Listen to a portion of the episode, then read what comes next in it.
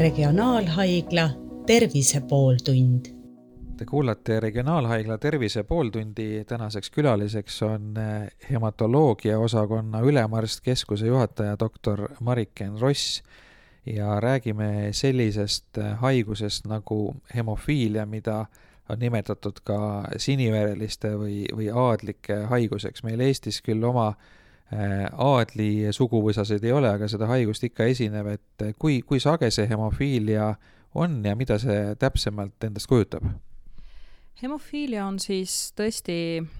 no ajalooliselt nimetatud teda ka kuningakodade haiguseks, äh, on ta omal ajal siis kunagi tema algseks nii-öelda levitajaks siis Euroopa kuningakodadeks oli kuninganna Victoria, kes läbi oma järeltuli, tulevate põlve jagas seda siis nii, nii Vene äh, kuninglikku või, või tsaari perekonda kui siis ka Hispaaniasse näiteks. aga meie siin Eestis oleme tõepoolest mõnevõrra, mõnevõrra väiksema aadli päritoluga, aga ei saa, ei saa öelda, et seda haigust meil ei oleks. hemofiilia on siis selline haigus, kus veri ei hüübi. ja selle vere hüübimise äh, probleemi põhjustab siis see, et äh, teatud tüüpi hüübimisfaktoreid äh, geneetilisel põhjusel siis veres ei toodeta. ja see vere hüübimine on selle tõttu kas pidurdunud või, või väga rasketel juhtudel siis praktiliselt üldse ei toimi. Eestis neid patsiente väga palju ei ole, me räägime eelkõige kahte varianti hemofiiliast, mis on siis hemofiilia A ja hemofiilia B. hemofiilia A puhul on siis tegu kaheksanda faktori puudulikkusega Neid patsiente on siis Põhja-Eesti Regionaalhaiglas jälgimisel umbes seitsekümmend ja hemofiilia B korral on siis üheksanda faktori defitsiidiga tegu ja neid patsiente on meie vaateväljas äh, praegusel hetkel viis. ja hüübimishäirete juurde nii-öelda samasse seltskonda kuulub siis ka von Willebrandi tõbi mis ei ole küll nii kuningliku päritoluga, aga, aga täpselt sama raske tegelikult selle põdejatele ja mille puhul siis, siis defitsiitseks või, või muutunud või üldse puuduvaks osaliseks hüübimissüsteemis ongi von Willebrandi faktor. nii et ähm, need kolm moodustavad sellise põhilise veritsushaiguste grupi, ähm, mille, mille põdejatel siis on erinevalt, suuremal või vähemal määral siis erinevaid verejooksuprobleeme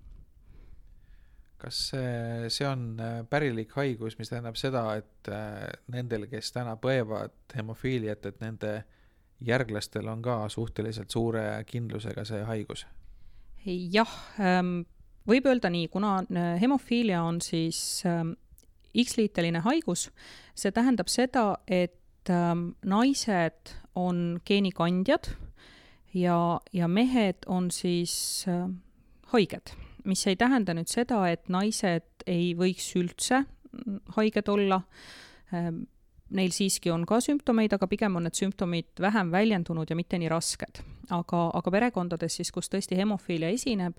siis äh, raskemad sümptomid ja, ja raske, rasked probleemid on tõesti selle perekonna meestel, kellel on siis, kellel võivad siis olla tõesti väga rasked ja, ja väga kurnavad verejooksu probleemid ja, ja kahjustused milline hemofiilia haige elu välja näeb, mille, mida ta saab teha, mida ta ei saa teha ja, ja mis juhtub siis, kui, kui ikkagi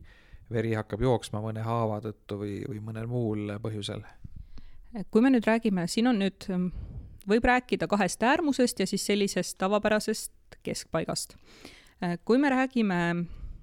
tänapäevasest sellisest mõnevõrra idealiseeritud utoopilisest äh, hetkest, siis tegelikult me tahaksime, et tänapäeval kõik need lapsed, kes selle diagnoosiga sünnivad, et nad tõesti saavad oma diagnoosi kohe varakult, äh, raske äh, hemofiilia korral või, või ka mõõduka kuni raske kuluga, ehk siis, äh, ehk siis sellise haiguse puhul, kui verejooksud ikkagi on probleemiks, siis need lapsed alustaksid juba üsna varajasest lapseeast profülaktilise raviga, mis tähendab seda, et nad peavad süstima siis sedasama faktorit, mida neil puudu on, ja kui nad teevad seda piisava sagedusega ja piisavates kogustes, siis teoreetiliselt nende hüübimine võiks olla, ma ei saa öelda, et päris normi tasemel, aga ligilähedane. ehk siis nad elavad tavapärast elu, nende tervis on hea, nad võivad tegeleda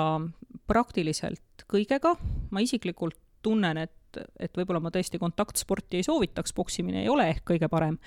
aga põhimõtteliselt nende, nende elu ja tervis ja, ja oodatav eluiga võiks olla siis, siis võrreldav tavainimesega. selle erinevusega, et tõesti see faktori süstimine äh, veel praegusel hetkel on paljudele raske ja kurnav ja, ja keeruline tegevus, sest äh, selle jaoks, et sellest abi oleks, peab tihtipeale seda faktorit süstima siis kolm korda nädalas. Ja erinevalt insuliinisüstetest, mida saab teha näiteks naha alla, siis äh, faktorasendus praegu praktiliselt kõikidel juhtudel on, on veenisisene, mis tähendab, et, et kõigepealt tuleb punkteerida veeni, mida ühel väikelapsel on, on üsna keeruline teha, ja, ja siis tuleb see süst ka suuta ära teha, nii et see ei ole tingimata hirmus lihtne. aga ütleme, hüpoteetiliselt on see võimalik ja, ja meil on palju tublisid peresid, kes sellega väga hästi hakkama saavad ja on ka teatud siis abivahendid, mida on võimalik vajadusel kasutada. nüüd teine äärmus, mida meil ka Eestis on, need on siis need äh, eriti need eakamad inimesed, kelle haigus on alanud sellel ajal, kui meil sellist asendusvõimalust kas ei olnud või see oli selline väga hektiline ja, ja küsitava väärtusega ja kellel selle tõttu on, on äh, olnud ammusest ajast juba, juba verejooksud. hemofiilia klassikaline näide või ütleme, klassikaline probleem on liigese verejooksud, mis tähendab, et need liigesed saavad kahjustada. ja, ja tihtipeale vajavad nad siis ähm, erinevate liigeste proteesimist, kõige klassikalisemalt saavad kahjustada põlveliigesed, mis, mis on väga tihti proteesitud, aga ka kõik ülejäänud liigesed, mis teeb liikumise raskeks, mis tekitab sellise kroonilise valu ja, ja see elukvaliteet võib olla üsna üsna kehv ja, ja suures sõltuvuses valuvaigistitest. ja siis on selline, noh, ütleme, tava argipäev, mis jääb siia kahe äärmuse vahele, ehk siis need on need inimesed, kes on suhteliselt varakult juba profülaktikaga alustanud, teinud seda jõudumööda, nii nagu see oli võimalik või kättesaadav või nii, nagu parajasti see süstimine õnnestus, kellel on mõningane liigesekahjustus, aga see ei ole väga massiivne, see võimaldab ikkagi noh, ütleme kolmekümne, neljakümne aastasel inimesel tööd teha ja toimetada, aga tekitab talle aeg-ajalt erinevaid probleeme ja, ja vajavad nad siis tihtipeale ka ortopeedi või taastusraviarsti abi kui nüüd hemofiilia haige vajab äh, operatsiooni, kas või sellist lihtsamat, näiteks äh, hamba väljatõmbamist või siis mõnda, mõnda muud sarnast, et äh, kas seda on võimalik teha ja mis tingimustel, sest kui, kui veri ei hüübi, siis võib see endaga päris äh, raskeid tagajärgi kaasa tuua. Jaa, seda on võimalik teha ja kõik protseduurid nendel patsientidel tänasel päeval on teostatavad. Äh, kui tegu on tõesti sellise lihtsa, noh, ütleme sellesama hamba väljatõmbamisega, siis siin reeglina midagi muud keerulisemat ei ole, need patsiendid ise juba teavad, äh, kui palju nad peavad seda faktorit siis enne protseduuri süstima ja, ja ka protseduuri järgselt siis. Nad on äh, tihtipeale võimelised seda ise kodus tegema, aga kes nüüd tõesti on sellised patsiendid, kes ise kodus süstimisega hakkama ei saa, siis nemad tulevad protseduuri päeval siia meie juurde, äh, me teeme päevaravis süsti ära, nad lähevad oma protseduurile ja vajadusel siis veel päev hiljem ja, ja ülejärgmisel päeval tulevad siis uuesti siia juurde oma seda asendusravisüsti saama. mis nüüd on tõeliselt keerulised, ka siin majas on tehtud mõned aastad tagasi üks ääretult keeruline südameoperatsioon ühel raskel hemofiilia haigel eh, edukalt. See tahab sellist väga head multidistsiplinaarset koostööd, see tahab väga head efektiivsust ka labori poolt, et me oleme võimelised hästi täpselt jälgima, et mis see hüübimise tase seal veres parajasti on ja kuidas seda, kuidas seda siis õigesti asendada ka teistpidi, et äh, operatsioonil on alati ka risk, et me tekitame inimesel tromboosi. Nii et seda tuleb nagu hoida selles suhtes kenasti tasakaalus. Ja mis tähendabki seda, et, et äh, nendele inimestele tuleb teha selline väga detailne raviplaan, mis hetkel, kui palju süstida, millist faktorit, mida tuleb jälgida, mis aja momentidel tuleb analüüse võtta, kui kaua ta haiglas on, arvestama peab sellega, et nende operatsioonid reeglina tahavad pikemat haiglas olekut kui tavapatsient ja ja tõesti sellist oluliselt suuremat ettevalmistustööd, aga need on tehtavad. No kuigi hemofiilia patsiente pole just väga palju, aga, aga nagu te just rääkisite, siis nende eh, Nende ravi nõuab erinevate spetsialistide koostööd, et eh, regionaalhaiglas on ka Äh, rajamisel vastav kompetentsikeskus, et äh, mida see endast kujutab ja, ja miks seda vaja on? see on tõesti üks regionaalhaigla hetkel käsil olevaid suuri projekte. Äh, seda keskust ähm, on vaja just nimelt selle jaoks, et, et meil puuduks selline, et, et meil oleks olemas selline tihe ja, ja läbimõeldud koostöö erinevate spetsialistide vahel. Ja kui me ütleme ühtepidi me oma majasiseselt, noh, seesama südameoperatsioon on nagu mingis mõttes hea näide, meil on suurepärane koostöö meie oma arstide, labori, kardiokirurgide vahel, au ja kiitus neile. Aga ütleme, kui me näiteks tegeleme lastega või kui me tegeleme rasedatega, eh, midagi pole teha, hematoloogia ja, ja hemofiilia selline kompetents on olemas Põhja-Eesti Regionaalhaiglas, samas kui momendil me sünnitusabi ei paku. aga ka need naised, kes on hemofiilia kandjad või kellel endal on, on hübimishäire, nad peavad saama kompetentset heal tasemel abi ja selle tõttu see, see kompetentsikeskuse loomine on, on hetkel aktiivselt äh, käigus ja loodetavasti jõuab lähiajal ka siiski akrediteerimisprotsessini ja, ja siia juurde on meile siis tulnud koostööpartneritena appi Lääne-Tallinna Keskhaigla naistekliinik, Tartu Ülikooli Kliinikumi geneetikakeskuse Tallinna filiaal ja, ja meie kõrval olev hea naaber Tallinna Lastehaigla. ja selle nelja asutuse peale kokku me tegelikult oleme võimelised pakkuma kõikidele patsientidele siis täismahus kompetentset abi, sõltumata sellest, et mis lokalisatsiooniga on probleem või, või mis tüüpi abi ta parajasti vajab, et see on selle eesmärk. no see kompetentsikeskus, äh, ma saan aru, ei ole mingisugune füüsiline hoone, vaid, vaid see on ikkagi selline teadmuskeskus, et kuidas see siis äh, toimub, et äh, kus see kus see patsient pöörduma peab ja kust ta abi saab ja, ja kuidas neid erinevad spetsialistid kõik nende teadmised kokku jooksevad? see jälgimise ja, ja suunamise ja kokkuleppimise plaan on meil tegelikult nii-öelda töögrupina omavahel juba paika pandud ja loodame, et ka praktikasse siin tõenäoliselt võtab natukene paika loksumine aega, aga, aga üldjoontes ta töötab. eelkõige, mis on see keskne koht, kuhu need patsiendid kokku jooksevad, on ikkagi seesama Maja hematoloogiakeskus ja, ja veritsushäiretega tegeleva hematoloogi vastuvõtt. ja antud hetkel siin majas teeme neid vastuvõtte siis mina ise ja doktor Mirja Varik, kellel on pikaajaline kogemus veritsushäiretega patsientide ravis ja kui need patsiendid on nüüd meie juures ära käinud niimoodi, et, et me oleme teadlikud, et tal on selline hübimisprobleem, et ta võib vajada ühte või teist või kolmandat tüüpi abi, siis vastavalt sellele juba vajadusel suuname meie ise neid siis spetsialisti juurde edasi ja, ja seda siis töögrupi siseselt, nii et need inimesed, kelle juurde nad jõuavad, need on need inimesed, kes siis tegelevadki eraldi sellisel süvi, süvatasemel veritsushäiretega patsientiga. sõltumata siis sellest, et kas see on ortopeediline, kas see on gastroenteroloogiline või, või, või sünnitusabi, mis siis iganes. ja sama toimib tegelikult kõikide, kõikides nende inimeste vahel, vaheliselt, kes sellesse kompetentsikeskusesse kuuluvad või sellesse grupeeringusse kuuluvad, et kui nende juurde jõuab selline patsient, kes millegipärast veel ei ole siin selles spetsiaalses veritsushäirete kabinetis käivad, käinud, siis nemad suunavad need patsiendid omakorda meie juurde edasi. aga, aga selline keskne ravikoordinaator ja raviplaani äh, koostaja peab ikkagi olema see arst, kes igapäevaselt tegeleb siis tõesti spetsiifiliselt hübimishäiretega patsientidega ja see on meie majas hematoloog no kuna tegemist on päriliku haigusega, siis äh, võiks ju eeldada seda, et äh, kõik äh, hemo, hemofiiliat põdevad inimesed on kusagil registrites arvel, kas see on ka nii või, või selgub ikka aeg-ajalt ilmub välja kuskilt keegi, kes ei teadnudki, et tal see haigus on ja siis see äkki avaldub kuidagi ootamatult? jah, ühtepidi meil on kindlasti Eestis suguvõsasid, kelle puhul me teame, et jah, et see on selline perekondlik avaldumine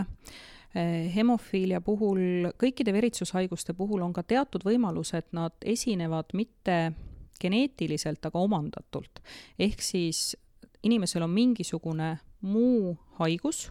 mis tekitab kaasuvana omandatud hemofiilia, ehk siis selle, sellise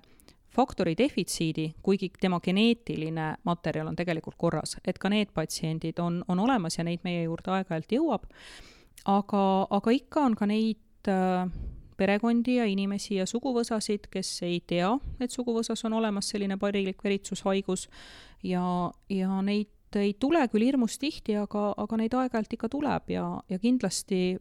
kui võib-olla hemofiilia osas vähem, siis von Willebrandi tõve osas on meil Eestis kindlasti veel avastamata ruumi üsna palju. et neid patsiente on meil statistiliselt vähem, kui neid peaks olema aga kuidas see võimalik on, sest eh, noh, ma arvan, et enamik inimesi, kes jõuab täiskasvanuikka, on ikkagi ju kas mõne haava või, või, või mõne operatsiooni tõttu pidanud veritsema, et, et kuidas see võimalik on, et inimene ise ei tea, et tal see, see haigus on?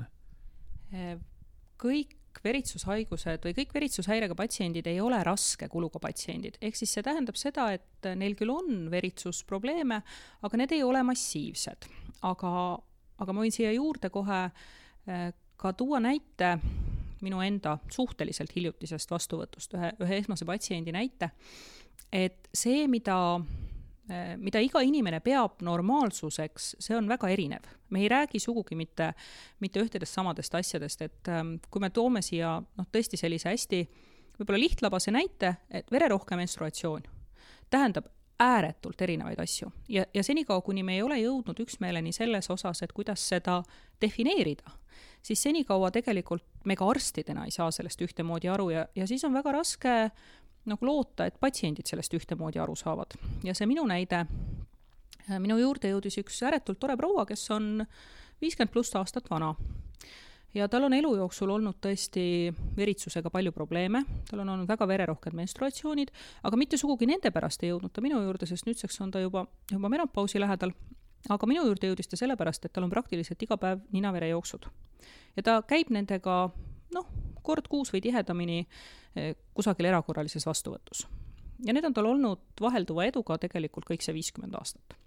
ja kui ma siis küsisin, et, et oi, et aga, et, et aga kuidas perekonnas? ja õed ja vennad ja, ja siis on mul onu, kes ikka aeg-ajalt viskab pikali, sellepärast et nina jookseb nii kõvasti verd, et, et seda ei saa mitte kuidagi teisiti kinni. ja siis tuleb talle meelde, et tal on ka isa samasugune ja vanaisa ja et tegelikult seal on olnud korduvaid Ähm, ka selliseid kiirabi kutsumisi selle tõttu, et, et nina-verejooksu näiteks ei saa kinni. ja, ja siis on seal nüüdseks juba ka siis kolmas-neljas generatsioon, ehk siis tema enda lapsed ja tema õe lapsed, kes on samamoodi erinevatel hetkedel kas pidanud siis kiirabi kutsuma või, või midagi nagu lisaks tegema, sellist ebatavalist. ja kui ma küsisin, et, et, et aga kas keegi kunagi arsti juurde ei ole pöördunud, siis ta vaatas mind natukene kummalisel pilgul ja ütles, et aa, me arvasime, et see on normaalne nojah, kui, kui ümberringi kõikidel on nii, siis võib tekkidagi mulje, et, et nii elu käibki, aga nüüd selline tundlik teema nagu äh,, nagu järglaste soetamine, kui selline haigus on, et kas see, kui, kui see on enam-vähem kindel, et, et see äh, geneetiliselt läheb edasi, pärandub siis äh, lastele, siis, siis mõnes mõttes on see ka päris suur vastutus võtta, soetada lapsi, kellel see haigus on küljes, et kas see kas selles osas on ka mingisuguseid soovitusi, et, et, et mida teha ja, ja kas üldse nagu oleks eetiline lapsi saada või mitte? see on jah, selline mõnevõrra tundlikum teema, mis ma selle kohta nii-öelda julget võin öelda ja mis on selline natukene võib-olla kaheldavam. esiteks, kõik need inimesed, kellel me sellise geneetilise haiguse välja paneme või diagnoosime, me suuname nad geneetiku konsultatsioonile. just nimelt selle jaoks, et ta saab oma vestlus, sõltumata sellest, kas tal on lapsed või kas ta planeerib neid või, või, või või ei planeeri üldse, aga et tal oleks see arusaam, et, et mis on selle haiguse pärandumismuster ja mis on riskid. ja on olnud noh, põhimõtteliselt ju ka tänapäeva tehnoloogiaga oleks võimalik valida geneetiliselt kunstliku viljastamise käigus selline äh, embrüo, kellel seda geenimutatsiooni ei ole. kas see on eetiline või mitte, see on siinkohal eraldi küsimus ja sellel teemal võib lahata teise pooltunni. aga tehniliselt on see põhimõtteliselt tänapäeval juba teatud juhtudel tehtav. kõige lihtsamini mm, võib ka valida lapse sugu, sest äh, nagu öeldud, siis mehed on reeglina need, kes on haiged ja naised ja, ja kaasa arvatud siis tüdruklapsed on, on pigem geenikandjad aga teistpidi, me oleme hetkel siiski situatsioonis, kus me loodame, loodame juba ammu, aga loodame ikka veel, et äkki sellele haigusele tuleb geeniteraapia. Äh, hemofiilia A puhul on see hetkel selline kaugem tulevik, aga hemofiilia B puhul on see tegelikult olemas ja näidanud häid tulemusi ja loodetavasti ikkagi jõuab kunagi laiematele ring, ringkondadele ja, ja teine teema on nüüd see, et kuigi tõesti see kolm korda nädalas süstimine ja, ja kõik see sinna juurde kuuluv tundub nagu hästi hirmus, siis meil on tulemus ka loodetavasti juba lähiaastatel preparaadid, mida mida tuleb süstida võib-olla kord nädalas, võib-olla kord kahe nädala jooksul, võib-olla, võib-olla kord kuus. on juba olemas preparaadid, mida saab süstida nahaalusi, mis on nagu insuliinisüstid, mis ei vaja veeni punkteerimist. nii et mida lihtsamaks see haiguse manageerimine läheb, seda võib-olla väiksemaks või kergemaks muutub see valik laste saamise osas, et pigem oli see väga aktuaalne nendel päevadel, kui meil sellele haigusele veel erilist ravi ega profülaktikat ei olnud, aga siis ka ei olnud tehnilist võimekust järeltulijaid valida. kui nüüd ikkagi Eestis äh, nagu te ütlesite, tõenäoliselt on kusagil inimesi, kellel see haigus on diagnoosimata kujul, et äh, mis on need ohumärgid või, või sümptomid, mille korral tasuks seda kahtlustada ja tasuks pöörduda arsti poole? Need ähm, märgid, mida meie siis ka ütleme nendel patsientidel, kes juba meie juurde jõuavad, nad täidavad sellise teatud tüüpi veritsusküsimustiku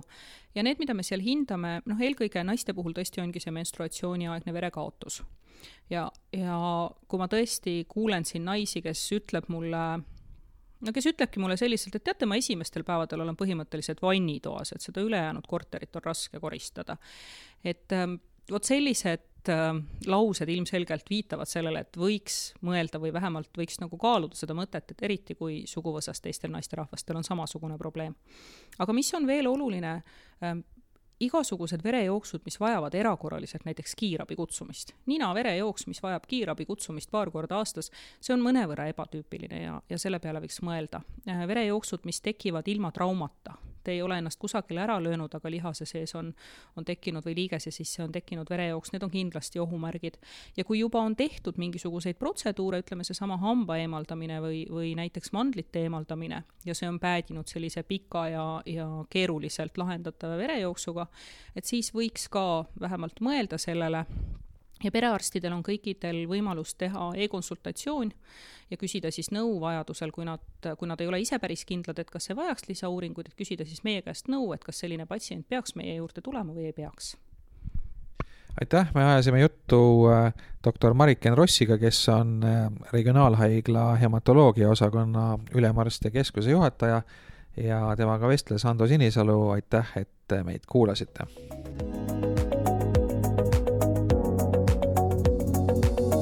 regionaalhaigla Tervise pooltund